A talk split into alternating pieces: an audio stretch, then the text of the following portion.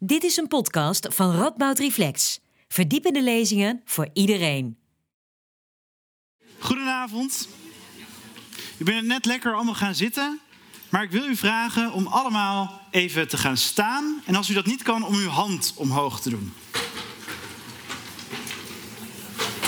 Want ik heb een aantal vragen voor u. En het gaat als volgt. Als u de vraag met ja kan beantwoorden, mag u blijven staan. Als de vraag met nee moet beantwoorden, kan u weer gaan zitten. En dan blijft u ook zitten. De eerste vraag, gewetensvraag. Wie hier heeft zijn belastingaangifte op tijd gedaan? Dan moet je, als het ja is, moet je blijven staan. Als het nee is, gaan zitten. Kijk, er gaan al een paar mensen zitten. Kijk, heel goed. Elke keer? Elke keer. Uh, en je blijft, als je dus bent gaan zitten, blijf je zitten. Wie strijkt hier zijn overhemden en of blousen? Oké. En dan de allerlaatste vraag. En wie heeft drie vierde van zijn collectie kamerplanten het afgelopen jaar in leven weten te houden?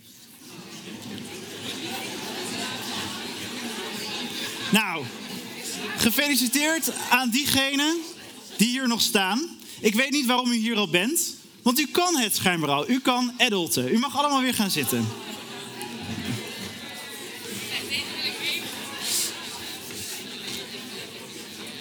Die, die term adulten of adulting kende ik ook niet tot een paar maanden geleden toen ik op YouTube een filmpje voorgeschoteld kreeg van Iris Wellen. En zij is een van ja, een van de grotere vloggers in Nederland misschien wel uit Nijmegen. En ze maakt allerlei filmpjes. En op haar 25ste verjaardag begon ze een nieuwe serie. De Adulting Series. En daarin vertelde ze over haar leven, waarin ze haar scriptie inleverde. Waarin ze haar uh, eerste baan begon. Maar ook waarin ze haar eigen kerstboom optuigde. Waarin ze... Uh, en waarin ze ook heel veel zuurdesembrood koopt. Op de een of andere manier is dat een ding. Um, en zo begreep ik, dat is dus adulting. Ging daar verder op induiken en ik zag overal op het internet memes, vlogs, blogs over adulting. En wat ik ervan begreep is dat je de dingen doet niet als je later groot bent, maar als je nu groot bent. Het leuke van werken bij Radboud Reflex is dat je dan een paar wetenschappers mag uitnodigen en op een podium mag zetten en dan hen kan vragen wat dit eigenlijk is. Want ik keek ernaar en ik werd er niet heel veel wijzer van. Dus dat heb ik gedaan en daar gaan jullie vanavond naar luisteren. Vooraan zitten drie sprekers. Welkom op deze avond van Radboud Reflex en van het Donders Instituut. De eerste spreker is Rogier Kiviet. Hij is neuroloog, neurowetenschapper. En hij gaat alles vertellen over groeiende en ontwikkelende breinen. De tweede spreker is Lonneke van den Berg. Zij is socioloog en zij doet onderzoek naar de mijlpalen in het leven, in de levens van jonge mensen. En tot slot, de laatste spreker, Femke Takes. Zij is ethicus en filosoof. En uh, doet onderzoek onder andere naar de morele status van het kind. Maar vanavond gaat ze het ook hebben dus over volwassenheid. En ik ben Adriaan Duivenman, ik modereer deze avond. We beginnen met drie korte lezingen. Vervolgens gaan we in gesprek hiervoor aan. En tot slot is er ruimte voor u om vragen te stellen. Dus, Rogier, ik wil jou naar voren vragen.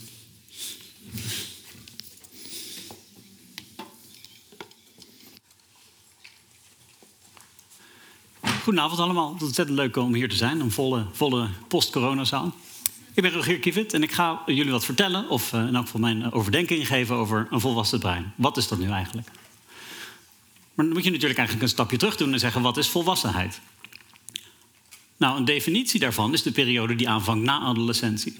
Daarmee hebben we het probleem natuurlijk alleen maar verschoven en niet opgelost. Want dan is de vraag, wat is adolescentie dan? Nou, er wordt ontzettend veel over nagedacht en over geschreven. Een paar jaar geleden verscheen in mijn vakgebied dit uh, tamelijk toonaangevende stuk door uh, Susan Sawyer, The Age of Adolescence. En daar keken ze naar allerlei processen die plaatsvinden in de kindertijd, in de adolescentie. En keken eigenlijk naar wat is nou een goede definitie waar we mee aan de slag kunnen. En ze zeiden eigenlijk dat de oude definitie, die vaak in elk geval in uh, bijvoorbeeld Amerika en Europa werd gehouden op 10 tot 19, dat die misschien wat te beperkt is. Dus zij stelde voor de New Adolescence. En die zou lopen van 10 tot 24, dus wat langer. Nou, een heleboel opzichten ben ik het met deze herdefinitie eens. Ik denk inderdaad dat er allerlei processen nog gaande zijn, nog ver na 19, 20, 21. Maar er zijn twee beperkingen waar ik eigenlijk vandaag op wil inzoomen. Ten eerste is het als het ware een kalenderdefinitie. Dus als je 23 jaar en 365 dagen bent, dan ben je nog adolescent. En dan klokslag 12 uur, net als in een sprookje, ben je ineens volwassen. En ten tweede, er zit een aanname van homogeniteit in. Met andere woorden, die grenzen, we kunnen ruzie maken over welke leeftijd die precies moet zijn, maar geldt voor ons allemaal hetzelfde.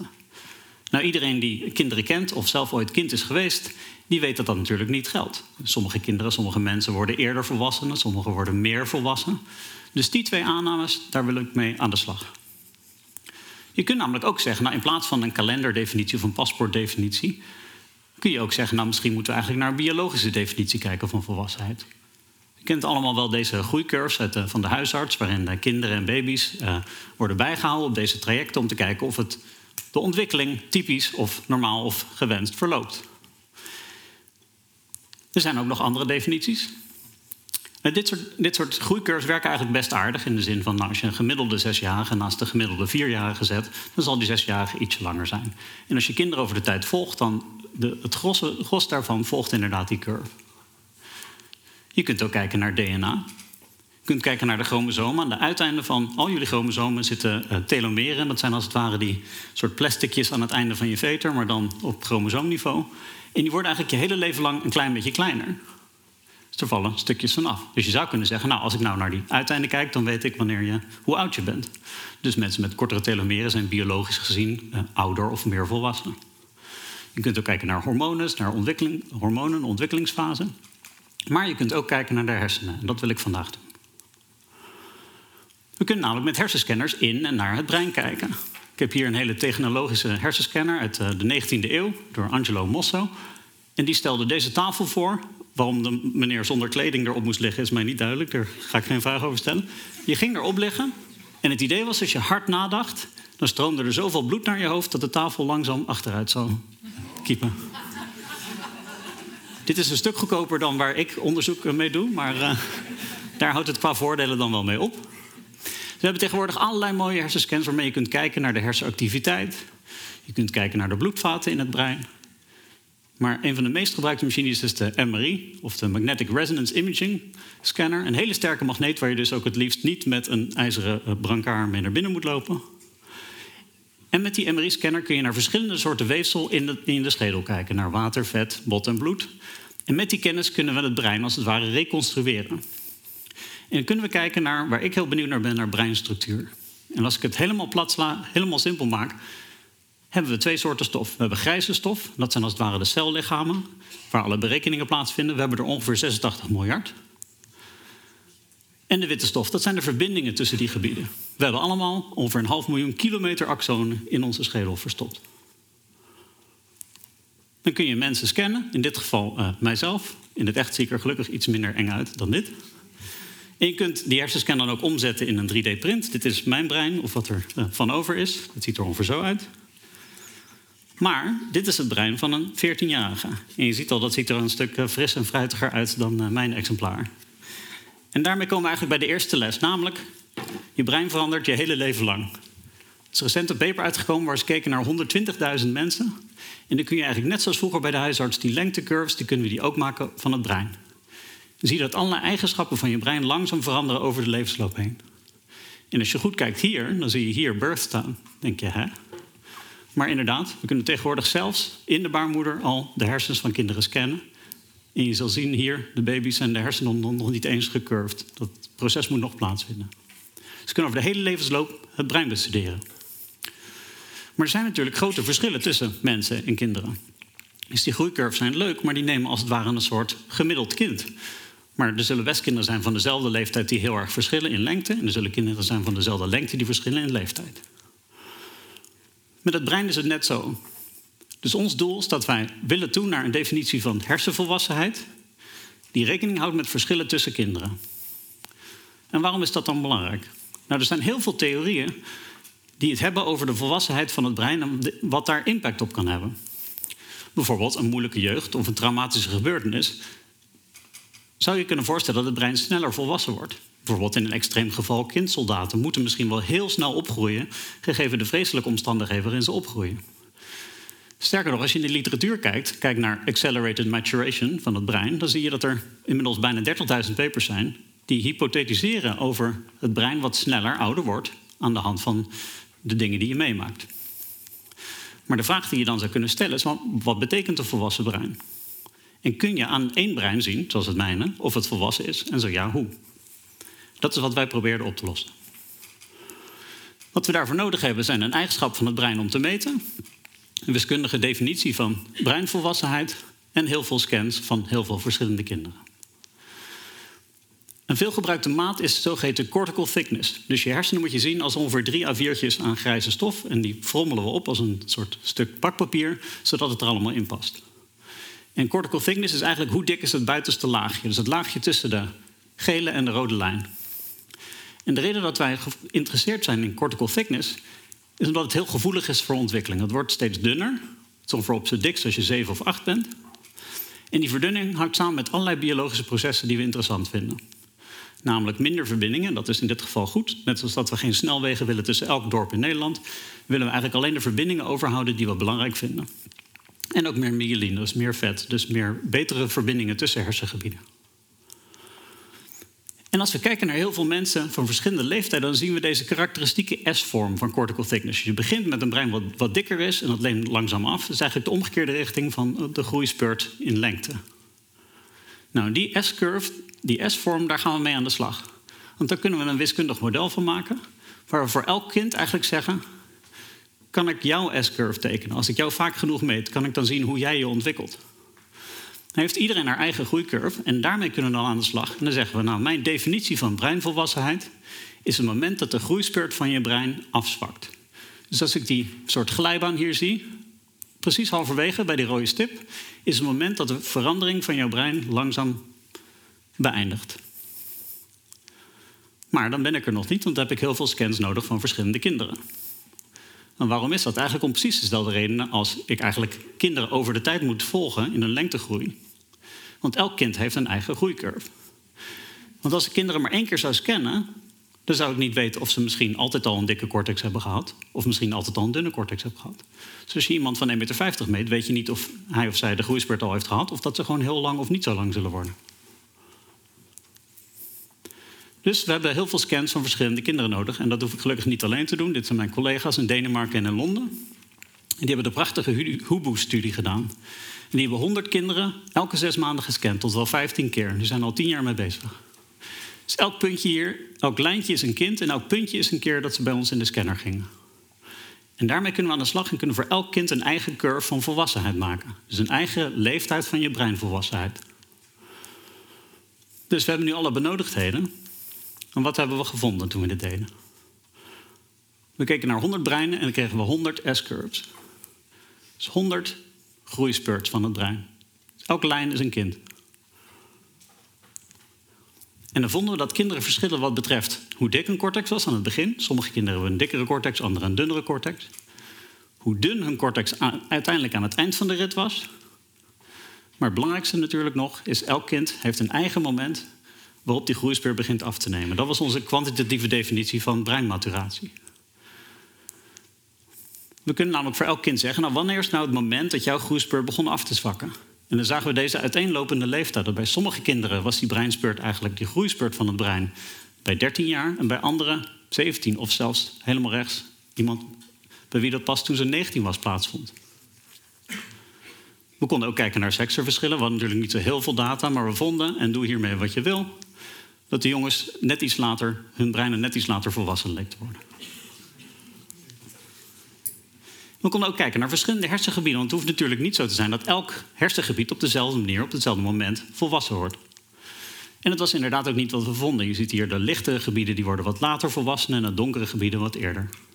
Ze vonden eigenlijk dat allemaal gebiedjes in de hersenen dit, die groeispurt op een ander tempo en een ander moment doen. Dus onze conclusie was: volwassenheid van je brein verschilt tussen mensen, of tussen adolescenten, en tussen hersengebieden. Dus kortom, we kunnen vaststellen of jouw brein volwassen is, maar alleen als we jouw unieke brein over de tijd heen kunnen volgen. Zelfs meer dat als ik jou één keer meet en je bent 1,32 meter of 1,64 meter... dan weet ik nog lang niet genoeg om te zeggen of jouw groeispurt typisch of normaal is... en of het goed met je gaat, of je genoeg voeding krijgt. Als ik je echt wil begrijpen, je breinmaturatie moet ik je herhaaldelijk scannen over de tijd. En we vinden dat adolescenten aanzienlijk verschillen in wanneer hun brein volwassen wordt. Wat zijn de open vragen die ik heb, die ik de komende paar jaren hoop op te lossen? Ik wil weten hoe hangt die breinvolwassenheid samen met andere vormen van volwassenheid, bijvoorbeeld emotionele volwassenheid of cognitieve volwassenheid. Ik wil weten hoe het samenhangt met de vroege omgeving, met een positieve of juist een negatieve omgeving. Is het zo dat als je iets vreselijks meemaakt, dat je dan snel opgroeit, dat je brein denkt: ik moet heel snel volwassen worden? En omgekeerd, als je nou een erg veilige omgeving uh, opgroeit, is het dan zo dat je brein dat dan nog even uitstelt en denkt: het gaat wel goed, ik doe het lekker rustig aan. En, en hier weten we het antwoord ook nog niet op, hoe hangt deze biologische hersenmaat van maturatie samen met andere, bijvoorbeeld DNA en hormonen en de groeispurt in lengte? Dan wil ik afsluiten met wat open vragen voor jullie, waar ik het antwoord niet op weet, maar wel graag wil weten. Hoe serieus moeten we biologische maten van volwassenheid nemen? Is een paspoortleeftijd maatschappelijk eerlijker of is het alleen makkelijker? Minder gedoe, minder ruzie. En stel dat er verschillende biologische maten hebben die het met elkaar oneens zijn. Stel dat jouw telomeren zeggen dat je relatief oud bent en je brein zegt nee, je bent nog lang niet volwassen. Wie heeft er dan gelijk? Of ben je misschien wel het gemiddelde van al die maten van volwassenheid? En als laatste, en dat laat ik aan jullie, is sneller volwassen worden wenselijk of juist onwenselijk? Dank jullie wel.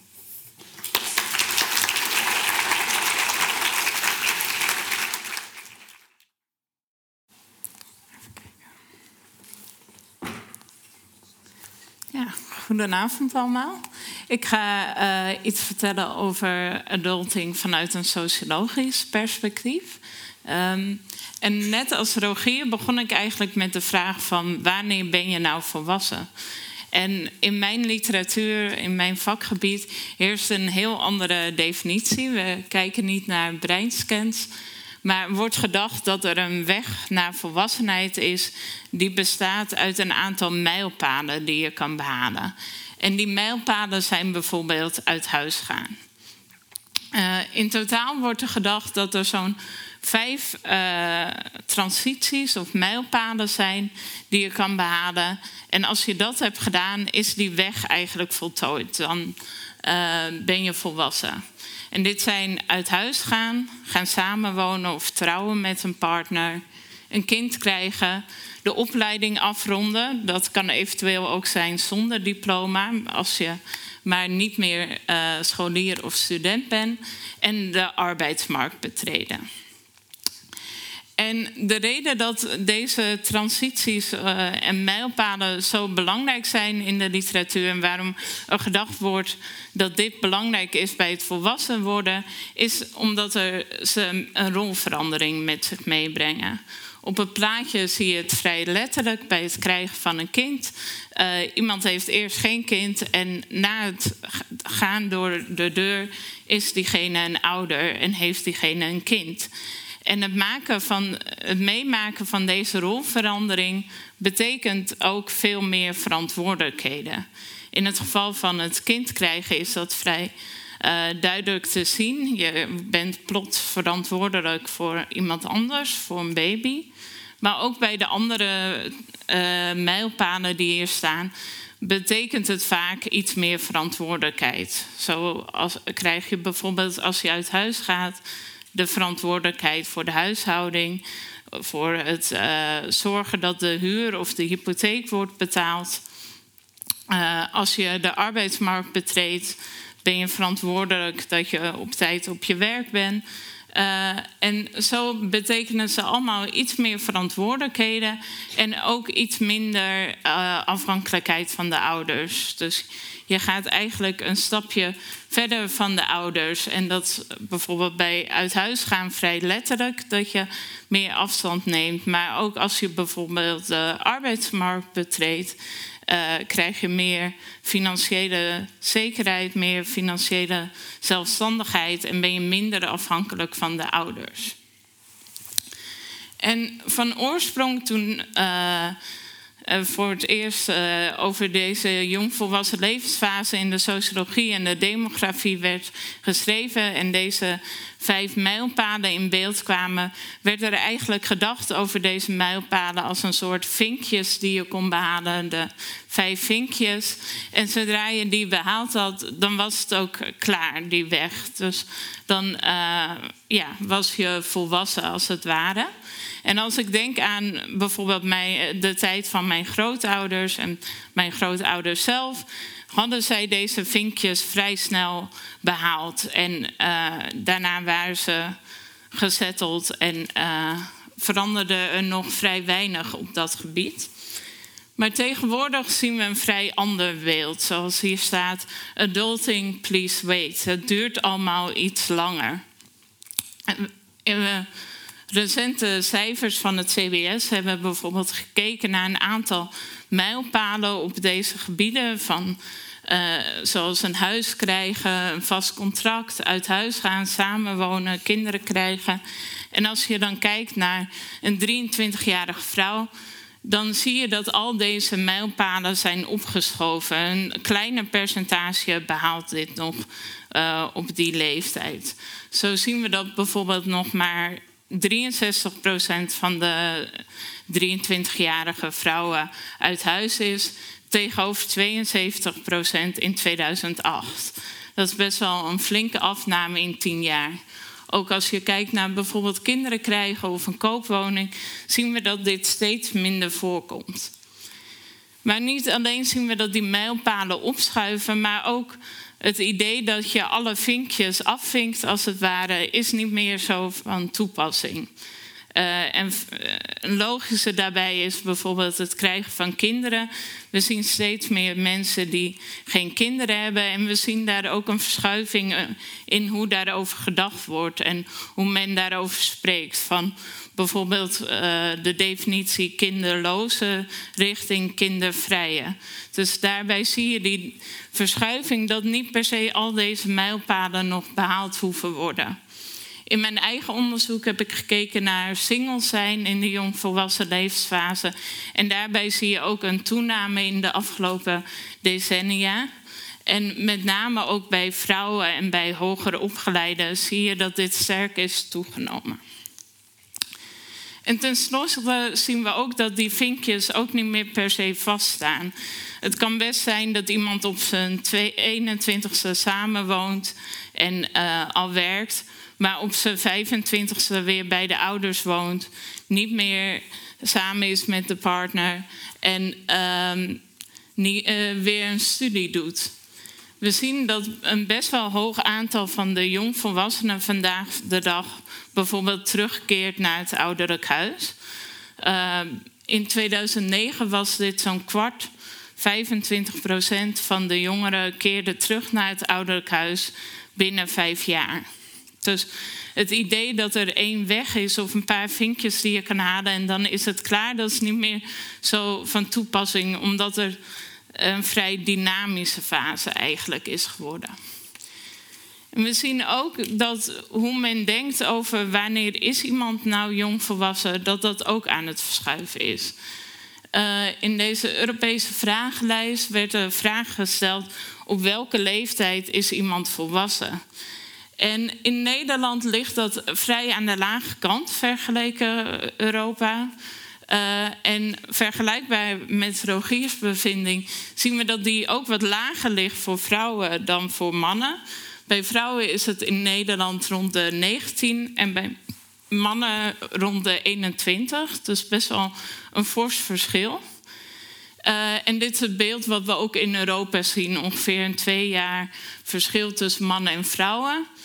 Maar daarnaast zien we dat gemiddeld in Europa in tussen 2006 en 2018 de leeftijd iets is opgeschoven waarop men denkt dat mensen volwassen zijn.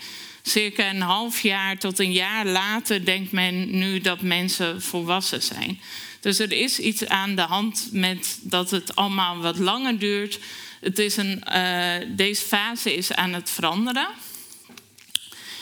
Uh, even kijken.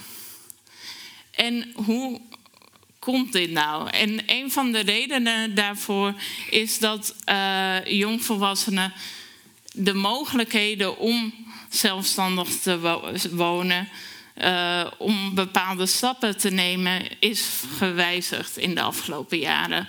Zo zien we dat uh, in mijn onderzoek naar het leenstelsel zie, heb ik gevonden dat een kleine deel uit huis gaat. Uh, als we kijken naar WO-studenten, zo'n 45% van de WO-studenten gingen uit huis binnen vier maanden na de start van de studie uh, in het uh, voor het leenstelsel. Dus bijvoorbeeld in 2014. En na de invoering van het leenstelsel is dit sterk gedaald tot zo'n 26 procent. Dus één reden waarom we deze verandering zien, is dat het minder vaak mogelijk is. Um, een gevolg daarvan is dat de ouders ook steeds belangrijker worden. Dit staat ook bijvoorbeeld in de tekst over het leenstelsel, staat dit expliciet genoemd. Dus hierin staat genoemd dat jongvolwassenen uh, samen met de ouders en de overheid nu de verantwoordelijkheid voor de studiekosten uh, dragen. Dus we zien hierbij dat het niet alleen in de maatschappij zo is dat mensen misschien denken dat uh, de ouders belangrijker zijn geworden, maar ook in de overheid wordt hier uh, in, op ingezet dat ouders verantwoordelijkheid dragen. En dit beeld zien we gereflecteerd in normen over deze levensfase. Dus bijvoorbeeld een vraag over of ouders volwassen kinderen moeten helpen als ze het nodig hebben. Daar is bijna iedereen het mee eens. Slechts 12% is het hiermee oneens, zelfs als het ten koste gaat van het welzijn van de ouders zelf. En hierbij zien we dus dat ook in die jongvolwassen levensfase dat beeld van dat je helemaal onafhankelijk van de ouders wordt, dat dat niet meer helemaal klopt en dat dus die afhankelijkheid uh, wat langer is geworden. Maar dat betekent niet dat deze levensfase helemaal zonder uh, druk is. Dat het een lange fase is waarin je uh, eigenlijk niks loopt te doen. Eigenlijk zien we een verschuiving waarbij er steeds meer andere vinkjes misschien bij zijn gekomen. Dus waar vroeger uh, studeren een vinkje was, zien we dat nu nog steeds. Maar we zien in plaats van dat je je baan moet baden als een vinkje, zien we nu de dream job staan. Dus er is misschien meer mogelijk. Er zijn, uh, ligt minder vast wat je moet doen. Uh, maar er zijn ook weer meer verwachtingen daardoor gecreëerd. Bijvoorbeeld dat je dus een droombaan moet en niet slechts een baan die uh, een inkomen geeft. Daarnaast zien we ook dat een nadruk liggen op zelfontwikkeling. Dus zaken die genoemd worden op deze bucketlist zijn bijvoorbeeld self-acceptance en backpacking.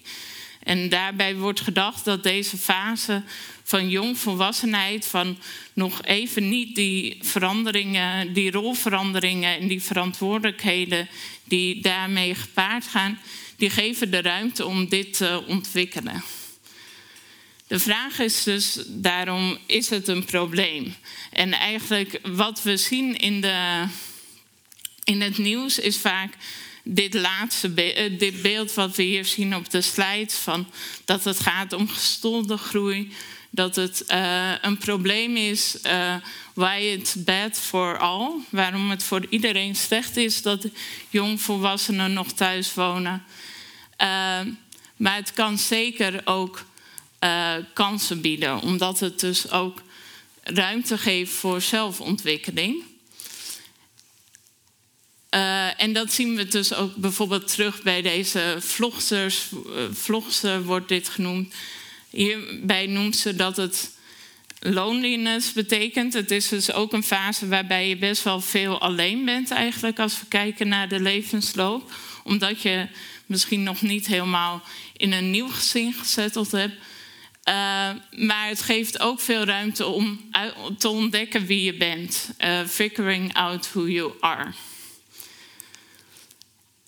Uh, maar doordat die ouders steeds belangrijker worden, we zien als het ware dat de ouders een vangnet vormen voor als het misgaat in deze levensfase, zien we ook dat de ongelijkheid in de laatste jaren is toegenomen. Aan de ene kant kunnen ouders helpen door uh, het mogelijk te maken om in deze levensfase nog iets langer kind te zijn, om jezelf te ontdekken. Zo zien we bijvoorbeeld dat Maria Obama een tussenjaar neemt.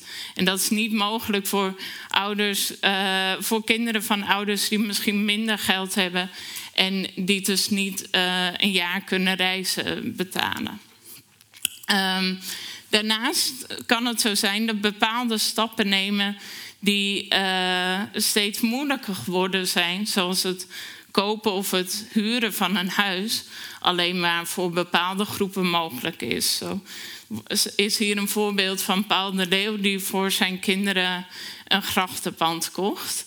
Uh, en dat is natuurlijk niet voor iedereen weggelegd. Dus we zien aan de ene kant de groep die veel uh, steun van de ouders hebben, die kunnen heel veel ontdekken en die kunnen daardoor misschien ook juist die tijd op zichzelf focussen en uh, groei doormaken, die misschien later in de levensloop profijt oplevert. Uh, en aan de andere kant kunnen ze ook, als ze bepaalde stappen willen maken, als ze wel willen zetten, kunnen zij dat doen. En voor de uh, kinderen die niet ouders hebben met zulke middelen, wordt dat steeds lastiger. En het meest extreem uh, daarbij zijn kinderen die misschien helemaal geen steun van ouders kunnen krijgen. En zo zien we bijvoorbeeld dat de kinderen in jeugdzorg, uh, recent was het in het nieuws, dat zij uh, aan de bel trokken omdat op hun achttiende verwacht wordt dat zij volwassen zijn. En zij hebben dus niet die mogelijkheid om in die levensfase al die uh, zaken te ontdekken en terug te keren naar het oudere knest. Uh, ja, dit. Dank.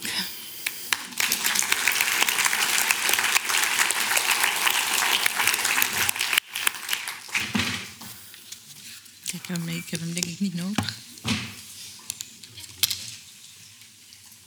Even kijken of ik het goed doe. Ja, Leuk om jullie allemaal te zien. Um, ja, ik heb, ik heb natuurlijk geen, uh, als filosoof uh, moet je het eigenlijk allemaal maar verzinnen. En aan mij werd de vraag uh, van, moeten we, moeten we volwassen worden gesteld? En ik, ehm, ik had daar eigenlijk nog niet eens zo heel goed over nagedacht, maar ik vond het wel een goede vraag. En daarbij stond ook het zinnetje, um, is het de plicht om op te groeien? En toen dacht ik, ja, opgroeien, dat doen we nou eenmaal. Hè? Dat is een immanent gegeven, dat wisten de oude Grieken al. maar de vraag is eigenlijk een beetje hoe uh, hoe verhouden wij hier ons toe? Hoe vinden wij het om op te groeien? Uh, moet dat eigenlijk wel? En ik zie Pippi Langkous, en je weet misschien, ken u klassiek? Die, die slikte crumuleutpillen in de, met het idee van wij willen crumuleutpillen, want dan kunnen we altijd jong blijven. Maar ja, dat kan eigenlijk alleen maar in het boek, hè? want dan blijft dat zo. Uh, nee, wat we, en ook ik begon net zoals mijn collega's met de vraag dan eigenlijk: goh, maar wat betekent dat dan eigenlijk volwassen?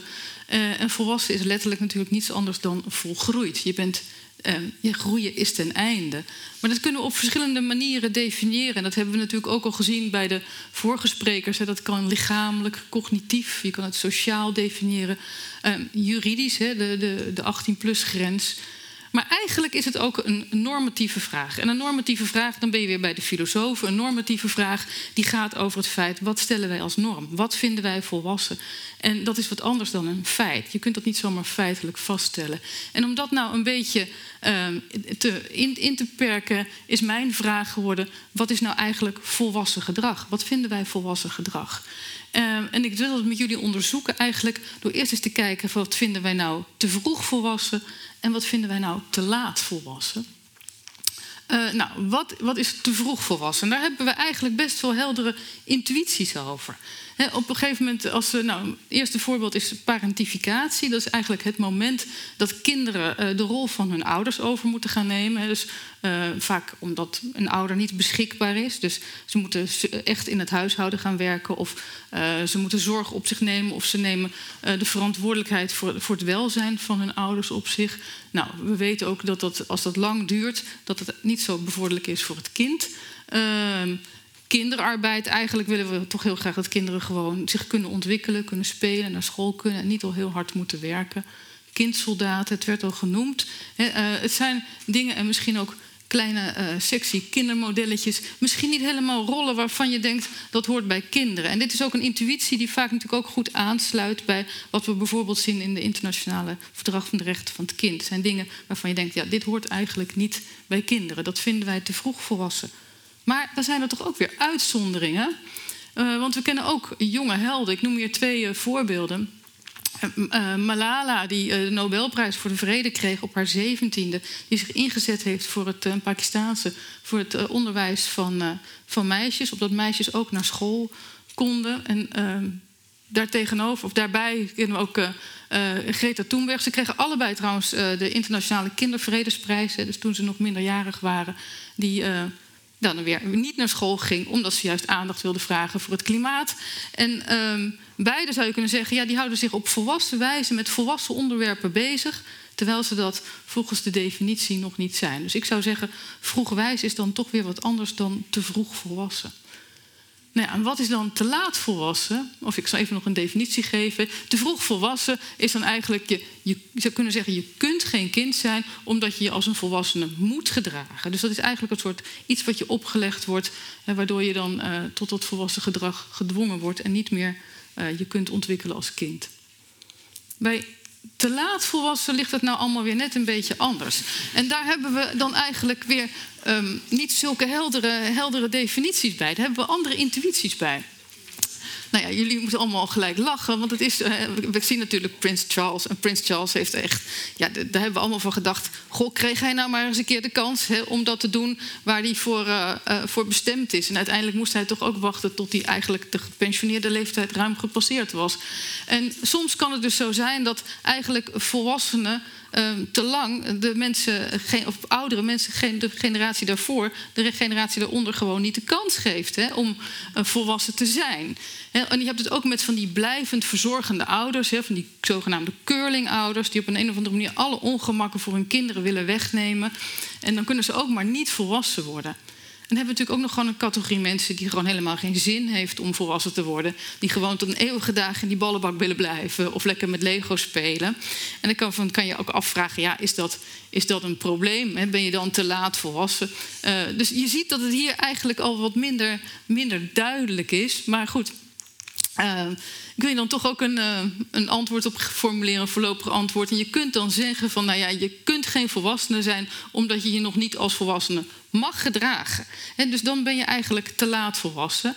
En het kan natuurlijk ook zo zijn van, je, ja, je wilt geen volwassene zijn omdat je je nog niet, wilt, nog niet als volwassene wilt gedragen. En je ziet hier, dat zijn van die typische modaliteitswerkwoorden. Die zeggen iets over wenselijkheid. Iets over, ja, wat zouden we nou eigenlijk, uh, wat zouden we nou eigenlijk een norm vinden? En dan is dat dus helemaal niet zo duidelijk. En dan zie je ook eigenlijk dat er diverse tijdstippen zijn om te zeggen wat nou het juiste moment is.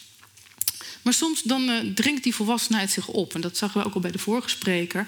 En dat is eigenlijk wat ik zou willen noemen een soort van intergenerationeel momentum. Op een gegeven moment zijn er momenten dat je je gewoon volwassen moet gedragen. Bijvoorbeeld omdat jouw ouders er niet meer zijn. Of dat ze niet meer of dat ze hulpbehoevend worden, dat je voor ze moet gaan zorgen. Dan, dan, dan zit je in die volgende fase, dan heb je die volgende rol. Dus als je je ouders verliest, dan moet je die verantwoordelijkheid in die zorg zelf op je gaan nemen. En een heel duidelijk moment is natuurlijk ook op het moment dat je kinderen krijgt. Als je kinderen krijgt, dan moet je ook die zorg en verantwoordelijkheid op je nemen. En die kan natuurlijk, eh, dat kan ook, ook het kinderen krijgen, kan op verschillende leeftijden plaatsvinden. Dus ook hier zie je weer dat er geen duidelijke kalenderleeftijd is, maar dat het gaat om de rol die je vervult in het leven.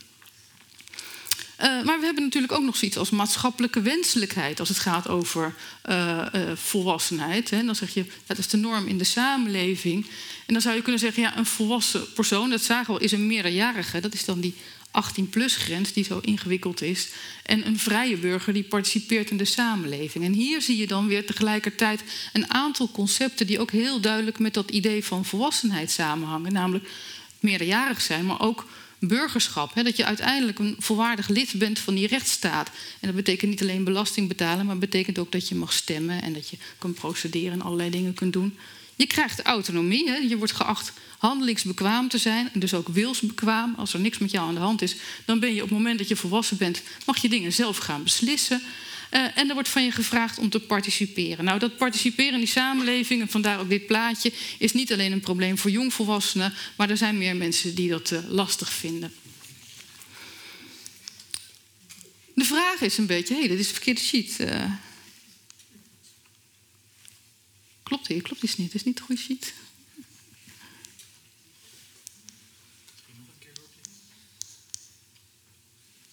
Er missen er een heleboel. Wat? Je mist er een heleboel. Hè? Maar verderop. Ja, die, die zit er verkeerd tussen. Oh ja, goed. Nou, ik zorg al. Ik denk, ben ik nou alweer klaar? Uh, nee, dit is ook nog steeds. Dit is niet de goede volgorde. Het is echt niet de goede, goede volgorde. Wacht even. Zit super. Nou, missen sheets zitten door elkaar. Mijn afdruiprek zit er niet tussen. Ah.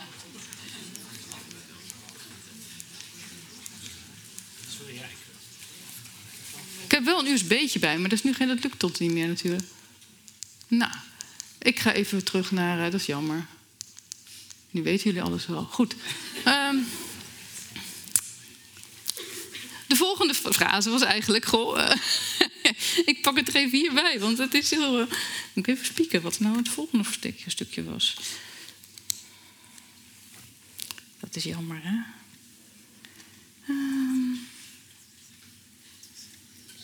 ja, dit aftrapprek. Mijn vraag natuurlijk was namelijk: wat is, wat is adulting? Want dat willen we uiteindelijk weten. Daarvoor hier zijn we hier. En dat is niet hetzelfde als volwassen worden.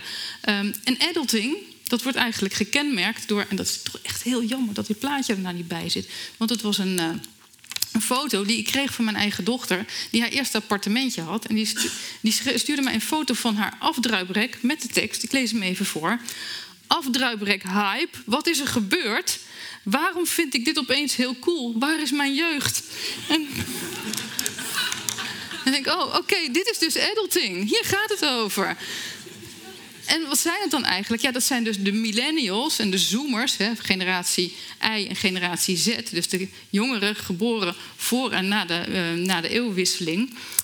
Um, en die zijn, worden geconfronteerd met dat volwassen bestaan. En die beginnen er allemaal leuke filmpjes over te sturen. Soms vol zelfspot, soms vol zorgen. Um, en dat zijn allemaal natuurlijk digitale berichten. En dat is denk ik een van de redenen waarom we het nu over adulting hebben. Want ja, die generatie daarvoor, hun ouders, de boomers en, uh, en de generatie X... ja, je ging niet even naar de telefooncel om je moeder te vertellen... Hè, dat je een afdruiprek had gekocht. Dat is een beetje zonde van je kwartjes. Dus ik denk dat dat ook een beetje een element is van, uh, van, de, van het adulting. Dat je gewoon dit allemaal uh, kunt delen. Nou hoop ik dat ik weer ergens die presentatie kan oppakken. Ah... Ja, er zit er nog een filmpje. kijken hoor. Dat is jammer. Ja. Maar ik kwam ook een ander filmpje tegen. Uh, en dat, is dan, maakt het, dat maakt het volwassen worden wel weer een uh, stuk, uh, stuk, stuk verdrietiger en ingewikkelder. En ook wel een beetje met meer prestatiedruk. Want hier zag ik een filmpje van echt honderdduizenden kijkers. Hè, van een mevrouw die heel serieus vertelt aan welke volwassen uh, skills wij moeten voldoen uh, om een beetje succesvol leven te hebben. Want die renderen voor de rest van je leven. Nou, je ziet het hier, administratie, de was, blind typen. nou, ik las het ook allemaal. Um, je moet de krant lezen, je moet alles weten. Dus ik dacht, nou jeetje, ik denk niet dat ik volwassen ben eigenlijk. dus ik kan me voorstellen, hier komt ook best wel wat, wat druk vanaf. Nou, ik ga weer even op avontuur door de sheets.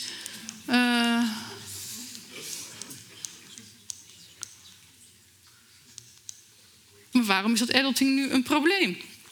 Want dat is dan de volgende vraag natuurlijk. We zien dat het zowel dus heel erg grappig is, help, ik word volwassen. En aan de andere kant zie je van, nou, er komt ook een uh, prestatiedruk bij kijken. En toen dacht ik, ja, wat, wat is nou eigenlijk het probleem misschien van die millennials en die zoomers? Waar, waar lijden zij nou onder? En misschien is dat toch wel een beetje te beschermde opvoeding. We hebben natuurlijk, die ouders doen ontzettend hun best, maar we zien ook dat het leven natuurlijk steeds meer is gaan draaien om dat meritocratisch succes. Hè. Je kan alles worden als je maar wil en als je heel goed je best doet. Hè. En het gaat uiteindelijk allemaal om individueel succes. En wat vinden wij ook eigenlijk? Wat willen wij van onze kinderen? We willen dat onze kinderen gelukkig worden. Dus uh, ja, en wat is dat dan? Succesvol zijn. Dus daar ga je je best voor doen. Um, dus daar wordt die opvoeding ook op gericht. En die ouders die, die gaan er met die bezempjes aan vooruit. Die brengen ze naar de hockey. Die zorgen dat, uh, dat ze goed gaan op school. Doen nog eens een bijlesje. Kortom, daar gaat het allemaal over. En misschien raak je dan, als dat zo gericht is op dat succes... ben je misschien iets te weinig bezig met uh, de voorbereiding op een volwassen leven. En dus dingen als die, wat die, al die concepten die hiervoor genoemd werden: zorg, verantwoordelijkheid, burgerschap, autonomie, participatie. zijn allemaal van die dingen die je ook een beetje gaandeweg leert. Die je zo langzamerhand moet opbouwen in je leven. En, als je, en dan moet je het ook over. Ook, je moet ook daarvoor fouten kunnen maken. Nou ja, als alles alleen maar gericht is op jouw schoolloopbaan die succesvol moet zijn, bijvoorbeeld, dan kom je daar misschien helemaal niet zo eens aan toe. Uh, en tegelijkertijd worden misschien de millennials en de zoomers ook een beetje bang om fouten te maken. Want ja, het moet tenslotte allemaal zo succesvol zijn, zo totally spice. Dus dat uh, is misschien wel een reden. Uh, er is nog een andere reden die ik me afvroeg, maar die sheet zie ik nu ook even niet. Ja, deze. Um, ik dacht, misschien is het ook een probleem van die uh, van die generatie. Dat ze eigenlijk niet zozeer te laat volwassen zijn alleen, maar dat ze eigenlijk te vroeg oud zijn. Ik hoorde van die jongeren die zeiden: ja, we gaan lekker een Pokémon-avond doen. Of dan, uh, dan denk ik, ja, dan ben je dertig en dan heb je heimwee naar je jeugd. Ik dacht, ja, dat is iets voor zestigers toch? Uh, vroeger was alles beter, maar ik denk als je dertig bent, lijkt me, of twintig, dan lijkt me dat toch wat. Maar ik hoorde al hele avonden van dat we dan, we mogen alleen nog maar filmpjes kijken uit de jaren negentig.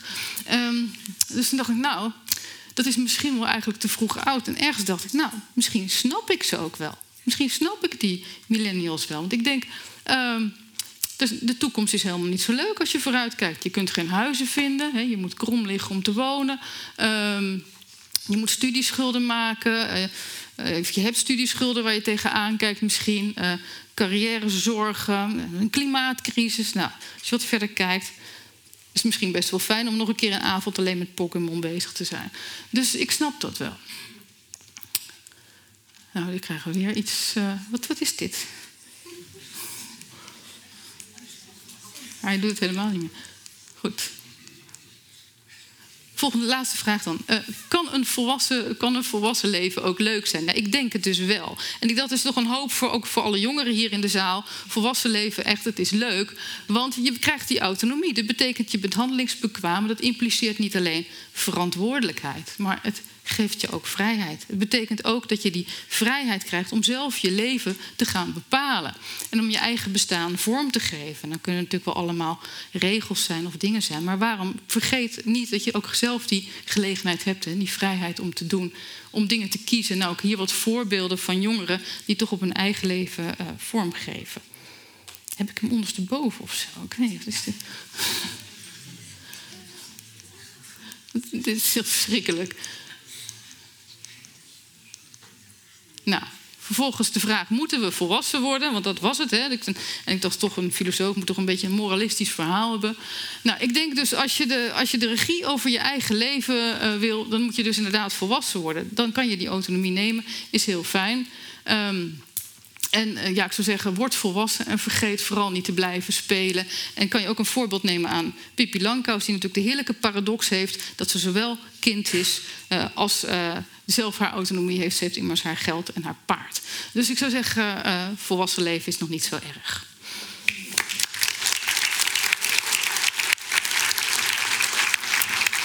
Ja, balen.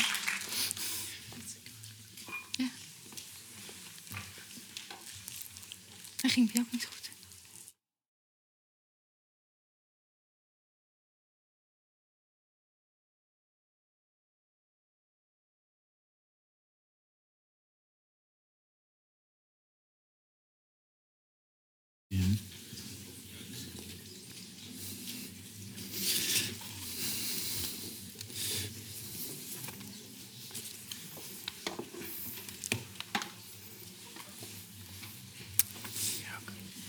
Nou, misschien was de cursus blind typen voor mij niet zo uh, slecht geweest. Want schijnbaar is Ctrl-A, Ctrl-C en Ctrl-V nog best uh, ingewikkeld. Uh, excuses daarvoor. Ehm, maar we hebben het gered. We, zijn er, eh, we hebben de, de lezingen gehad. Eh, jullie komen allemaal uit verschillende disciplines. En dat is het mooie dat we dit, deze avond dit thema op die manier aanvliegen. We hebben dus vanuit drie verschillende kanten verschillende verhalen gehoord. Als ik jullie mag vragen om in één zin volwassenheid vanuit jullie discipline te definiëren. Zou, dat, uh, zou je dat lukken, Lonneke?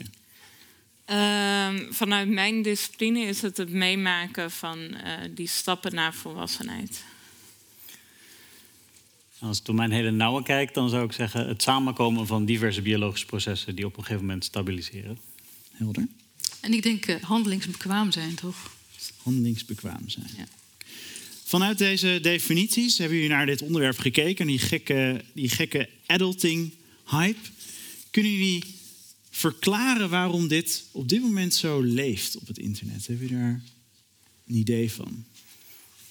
Um, ja, ik denk omdat er veel meer tijd is. Dus als uh, ik kijk naar mijn grootouders generatie, die hoefden dat niet te doen omdat zij al daadwerkelijk een kind hadden op die leeftijd. Uh, dus uh, bekommerden ze zich niet over uh, een keer een boodschappenlijstje maken voor de lol, zeg maar. Dus ik denk aan de ene kant dat er veel tijd is en ja, veel ruimte dus om dat te ontdekken.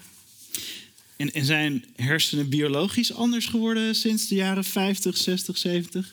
Dat is wel interessant. Want mensen worden wel cognitief steeds later gaan ze achteruit of verouderen ze. Dus je ziet een hele mooie studie in Berlijn, waar je als je nu vergelijkt met de jaren 90, en Berlijn was toen ook gewoon een welvarende land, een welvarende stad, dat mensen van 70 nu het ongeveer even goed doen als mensen van 55 toen. Dus dat door uh, de in onderwijs, in gezondheidszorg, al die kleine beetjes bij elkaar opgeteld zorgen ervoor dat het geen illusie is dat deze generatie opa's en oma's bijvoorbeeld gemiddeld genomen toch een stuk meer en langer kan dan de generatie daarvoor. Maar dan blijven ze eigenlijk langer jong misschien. Wat, wat zou, zijn er ook um, gegevens over of mensen daadwerkelijk later dus die breinvolwassenheid behalen?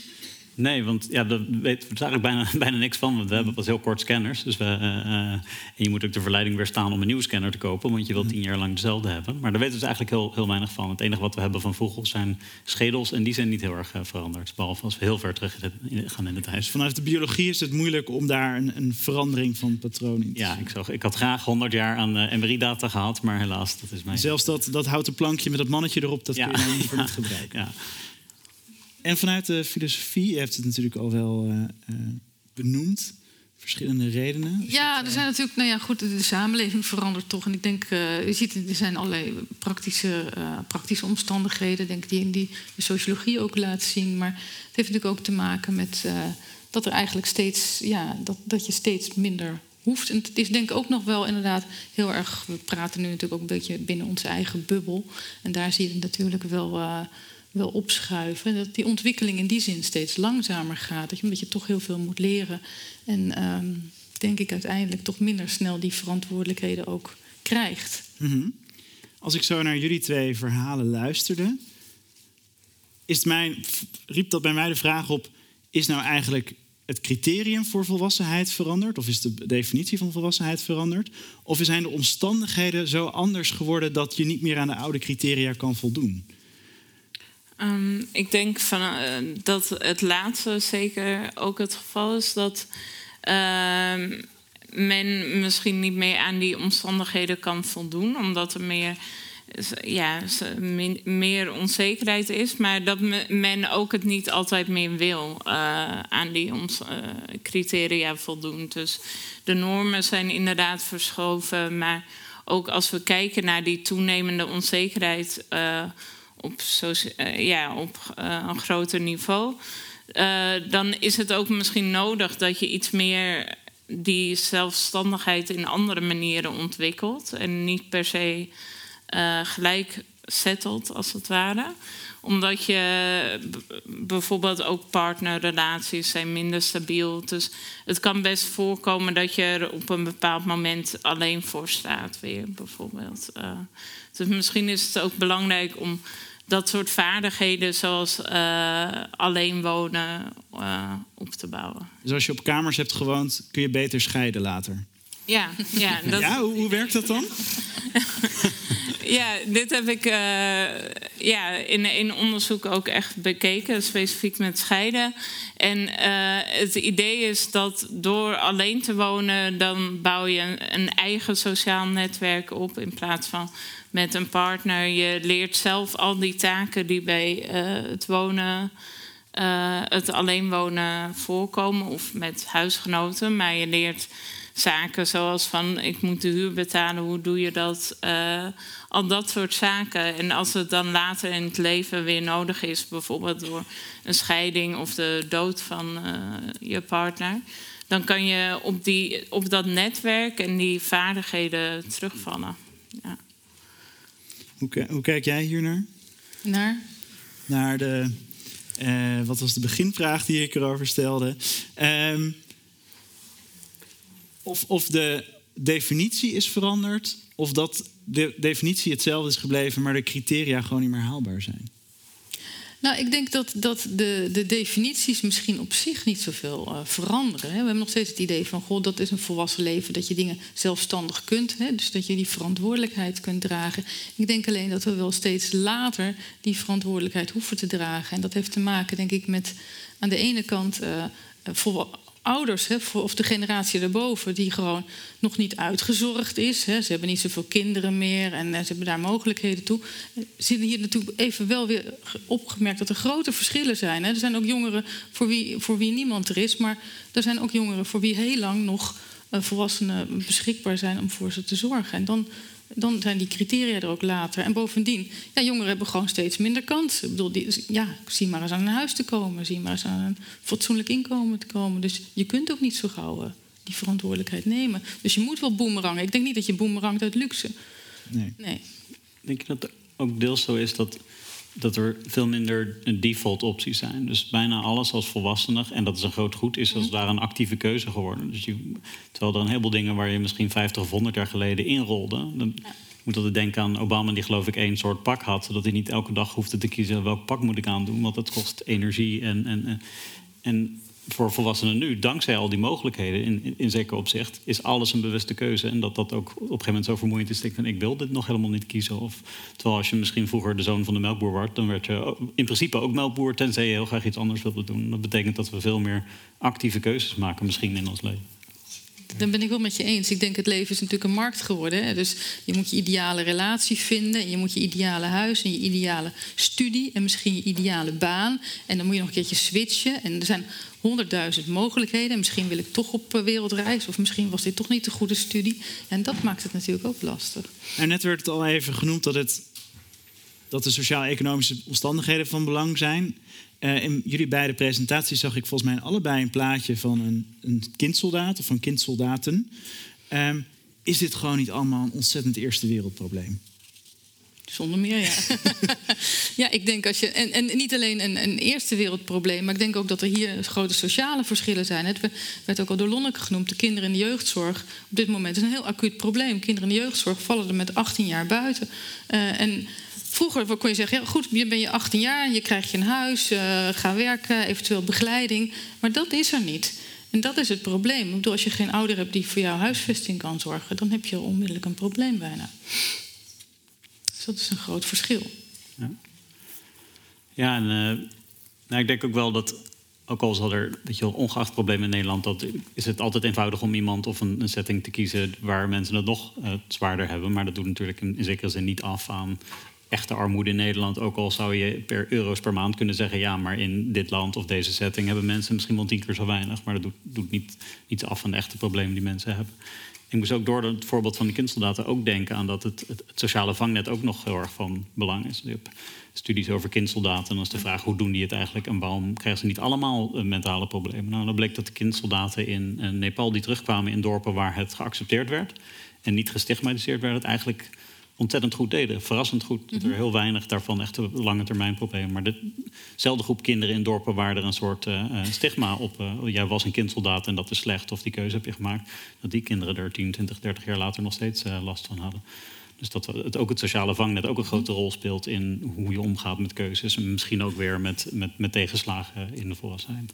Ja, ik, ik, denk, ik vraag me wel af of kindsoldaat worden ook een keuze is. Het is natuurlijk vaak. Nee, dat is, dat is het niet. Maar stel dat de culturele beeld bestaat dat jij daarvoor gekozen hebt, of je had maar weg moeten rennen, ik noem maar wat. Dus dan is een bepaald stigma. Dan zie je dat kinderen daar dan een stuk meer een probleem mee, mee hebben. Dus dat een sterk vangnet wel veel uit kan maken. Over keuzes maken gesproken. Uh, jij sloot het, je presentatie af met de vraag of je, of met, je noemde de handelings- en wilsbekwaamheid als een belangrijke juridische definitie. Uh, jij stelde als vraag: moeten we wel een kalenderleeftijd daarvoor voor aanhouden? Um, zou je bepleiten dat handelingsbekwaamheid wordt gekoppeld aan hersenscans? Nee, dat niet, want daarvoor is de relatie niet, niet, niet sterk genoeg. Uh, maar je zou wel hypothetisch kunnen zeggen: stel nou dat we een combinatie van hersenscans en van een grote vragenlijst en een test van bekwaamheid, uh, dat we daar een of ander groot over, overkoepelend begrip van hebben. En stel dat dat oncontroversieel is, wat het nooit zal zijn, dan denk ik dat je wel zou kunnen betogen en dat veel mensen het ermee eens zullen zijn dat twee kinderen van 16 de ene veel wilsbekwamer kan zijn dan de ander. En zo hebben we deels ons rechtssysteem ook ingericht. Er zijn allerlei mensen leeftijd, maar ook cognitieve capaciteit, waar je niet dezelfde straffen kunt krijgen, omdat je niet op dezelfde manier wilsbekwaam kan zijn. En dat zijn dan de extremen waar het misschien iets eenvoudiger is, maar in het midden zit ook een hoop uh, grijs tinten. Als, als ethicus moeten we de 18 jaar, uh, volgens mij als je onder de 18 jaar strafbare feiten pleegt, dan word je lichter gestraft. Is dat rechtvaardig? Zouden we dat uh, nou ja, hoger moeten zetten, lager? Jeugdrecht hebben we natuurlijk, uh, om, omdat er ook een pedagogische taak in zit. Hè. Het idee is dat als je iets strafbaars pleegt als, als jeugdige, dat het toch vooral belangrijk is dat je nog een keer wordt opgevoed of dat je heropgevoed wordt. En dat je dan niet dat betekent dat je die straf voor altijd bij, je moet dragen. En het is natuurlijk ook niet voor niks dat in het jeugdstrafrecht het adolescentenstrafrecht is ingevoerd. Ook op verzoek van de, van de rechters zelf. Omdat je inderdaad hele grote verschillen ziet in ontwikkeling uh, tussen. Uh, ja, in, die, in die toch ook een beetje dat we ook gezien hebben in de hersenscans, lastige fase tussen 18 en 23. Maar omdat je wel te maken hebt met een rechtssysteem, moet je op een gegeven moment ook um, leeftijdsgrenzen stellen. Want anders krijg je toch ook te maken met uh, evidente rechtsongelijkheid. En dat wil je ook niet. Dus uiteindelijk hebben we gewoon die kalenderleeftijd wel nodig, omdat het anders niet werkbaar is. Ja, ook, ook, het is ook een element van rechtvaardigheid natuurlijk. Je wilt mensen op een gegeven moment gelijk behandelen. Mm -hmm. uh, maar het probleem is wel dat ze verschillend zijn. Uh, dat betekent ook natuurlijk dat, dat als, als we kalenderleeftijden aanhouden, uh, dat je op je 18e kan stemmen, op je 18e kan je rijden, op je 18e mag je drinken. Uh, op je 21ste word je financieel losgekoppeld van je ouders. In Nederland krijg je allerlei rechten en plichten op je 18e. Ik weet dat in Zweden word je ook financieel volledig losgekoppeld op je 18e. Ehm, daar is het dus zo dat, dat alle studenten ook gewoon volledige studie krijgen, ongeacht de inkomens van je ouders. Lonneke, weet jij waarom er zoveel nadruk in Nederland wordt gelegd op die rol van die ouders? Waar komt dat vandaan? Um, ik denk dat in, de, in het algemeen zijn de uh, normen over ouderschap best wel sterk in Nederland. Dus ook, uh, die worden vooral gemeten op jongere leeftijd. Maar men heeft best wel hoge verwachtingen van ouders in Nederland vergeleken andere landen.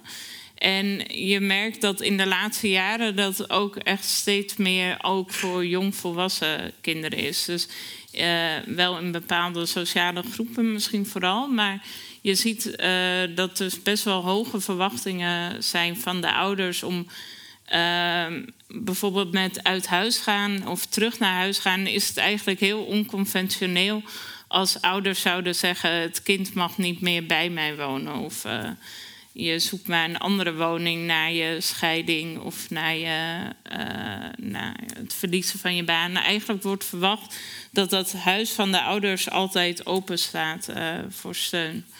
Uh, ja, dus ik denk dat dat deels uh, een verandering van de tijd is. Dat, uh, dat is toegenomen, omdat, ja, wat ook al genoemd werd over dat mensen minder kinderen hebben en dus meer focussen op de paar kinderen die ze hebben.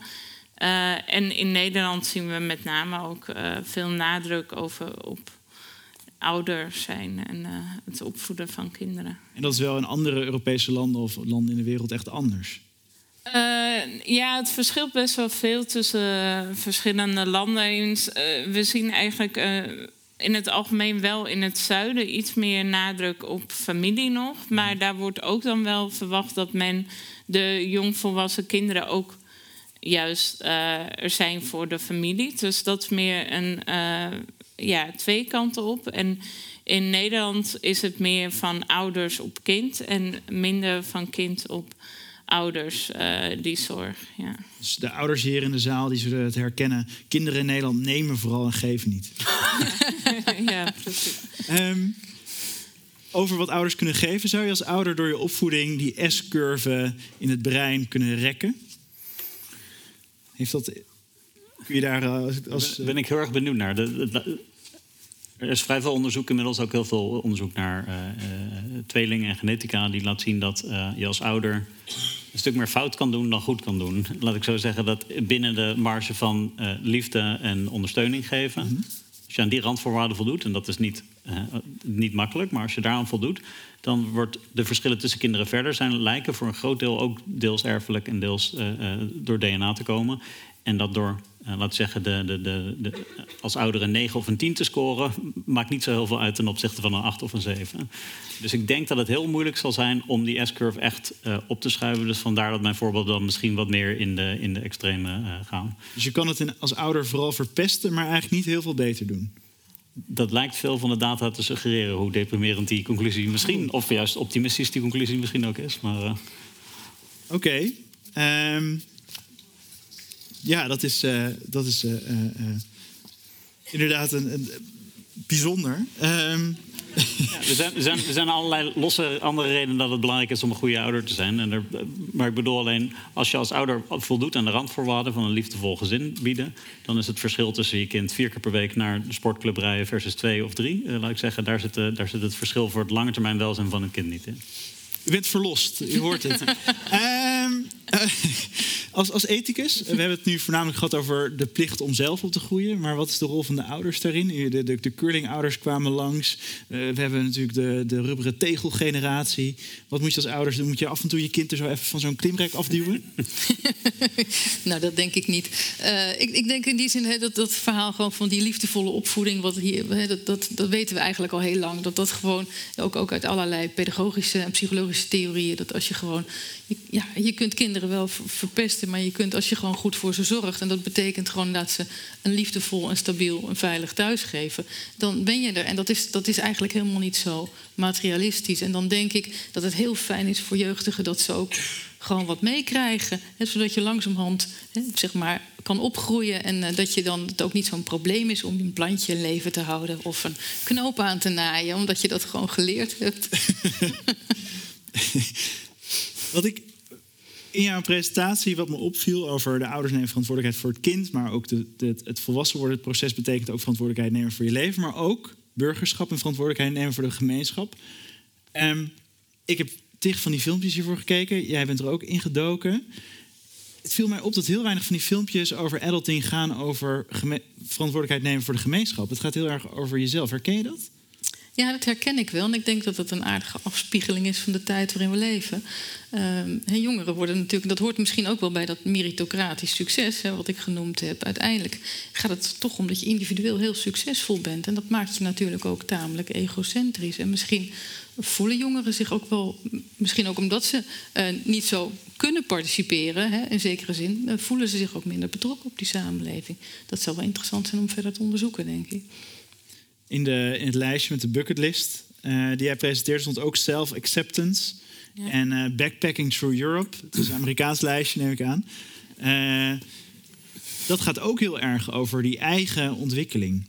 Ja, precies. Ja, dus ik denk dat wat je ziet is dat er eigenlijk sinds de jaren zeventig ongeveer een verschuiving in waarde is en ook steeds meer richting individualisering en inderdaad dat uh, zelfontwikkeling en dat ook het uniek zijn. Dus het gaat niet meer om, uh, zozeer om dat de gemeenschap in de beste staat is, maar dat je inderdaad uh, zelf goed uitkomt.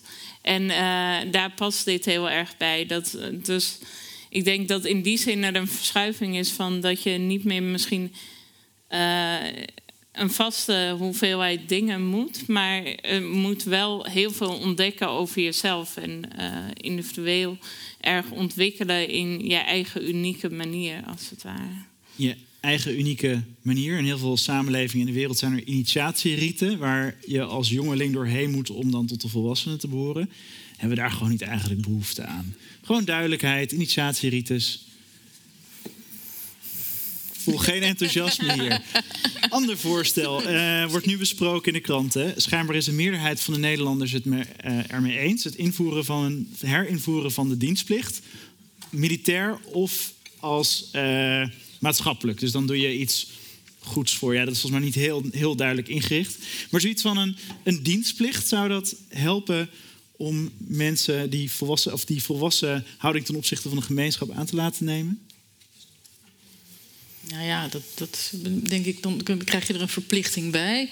Uh, dus ik denk dat het toch, dat, ik weet niet of je daar het engagement mee vergroot, maar misschien wel weer een, een levensfase. Eh, ik, ik, zie daar niet de onmiddellijk de, de, meerwaarde van in. Het wordt wel eens gezegd dat het misschien wel zou helpen om mensen um, um, meer gelijkheid zeg maar, te krijgen tussen, tussen mensen. Zo, dan heb je dat allemaal meegemaakt. Maar de praktijk, ik denk, het zal gauw uitwijzen dat daar hier ook heel veel uitzonderingen zullen zijn. En bovendien voor een militaire dienstplicht, maar dat is meer een persoonlijke smaak. Dan zal je mij niet zo gauw horen pleiten. Als we dan, uh, ik kijk naar de klok en ik, uh, um, ik denk dat ik nog twee korte vragen stel. Wat zou volwassenheid volgens jullie moeten zijn? Dus los van, het is al een beetje in die presentaties teruggekomen, maar gewoon in één zin. Wat zou volwassen zijn moeten zijn? Um, ja, ik denk het aannemen van meer verantwoordelijkheden en het, uh, ja, het opbouwen van het zelfstandig kunnen leven, als het. Zelfstandig ja. kunnen leven. Nou, ik denk vooral dat hele multidimensionele. Ik denk dat vandaag ook gezien hebben dat je er met één definitie nooit komt. Ook niet als ik al enthousiast over breinen vertel. En ik denk ook dat het minder een soort. We zien het heel erg als finishlijn. Of als, maar ik denk dat toch meer als proces. En dat vond ik ook zo mooi een voorbeeld van terug in huis gaan. Dat als we het iets zien als iets dynamisch. Waar je sommige dagen minder volwassen bent, andere dagen meer. Dat dat ons misschien ook een beetje bevrijdt van het gevoel van ik moet rennen tot de finishlijn. En wanneer weet ik of ik er ben. Dus misschien als het als meer iets dynamisch en minder statisch zien. Minder statisch. Ja, ik denk dat ik daar al een beetje mee afgesloten ben. Uiteindelijk denk, het, uiteindelijk denk ik voor mij het belangrijkste is dat je die autonomie uh, ontwikkeld krijgt. En dat je zowel die verantwoordelijkheid als die vrijheid uh, uh, kunt ervaren. En dat het dus in die zin ook gewoon prettig is om volwassen te worden. En eigenlijk ook een logisch proces van dat traject van volgroeid raken.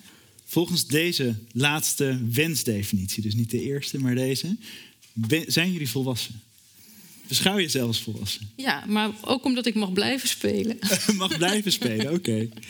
Ook in die nauwe definitie uh, wel, ja. Ja. Okay. ja, ik ook wel. Ja. Dank jullie wel. Femke, Rogier, Lonneke, voor je lezingen en voor dit gesprek. Uh, dank jullie wel voor het komen. Heb nog een fijne avond en tot de volgende keer.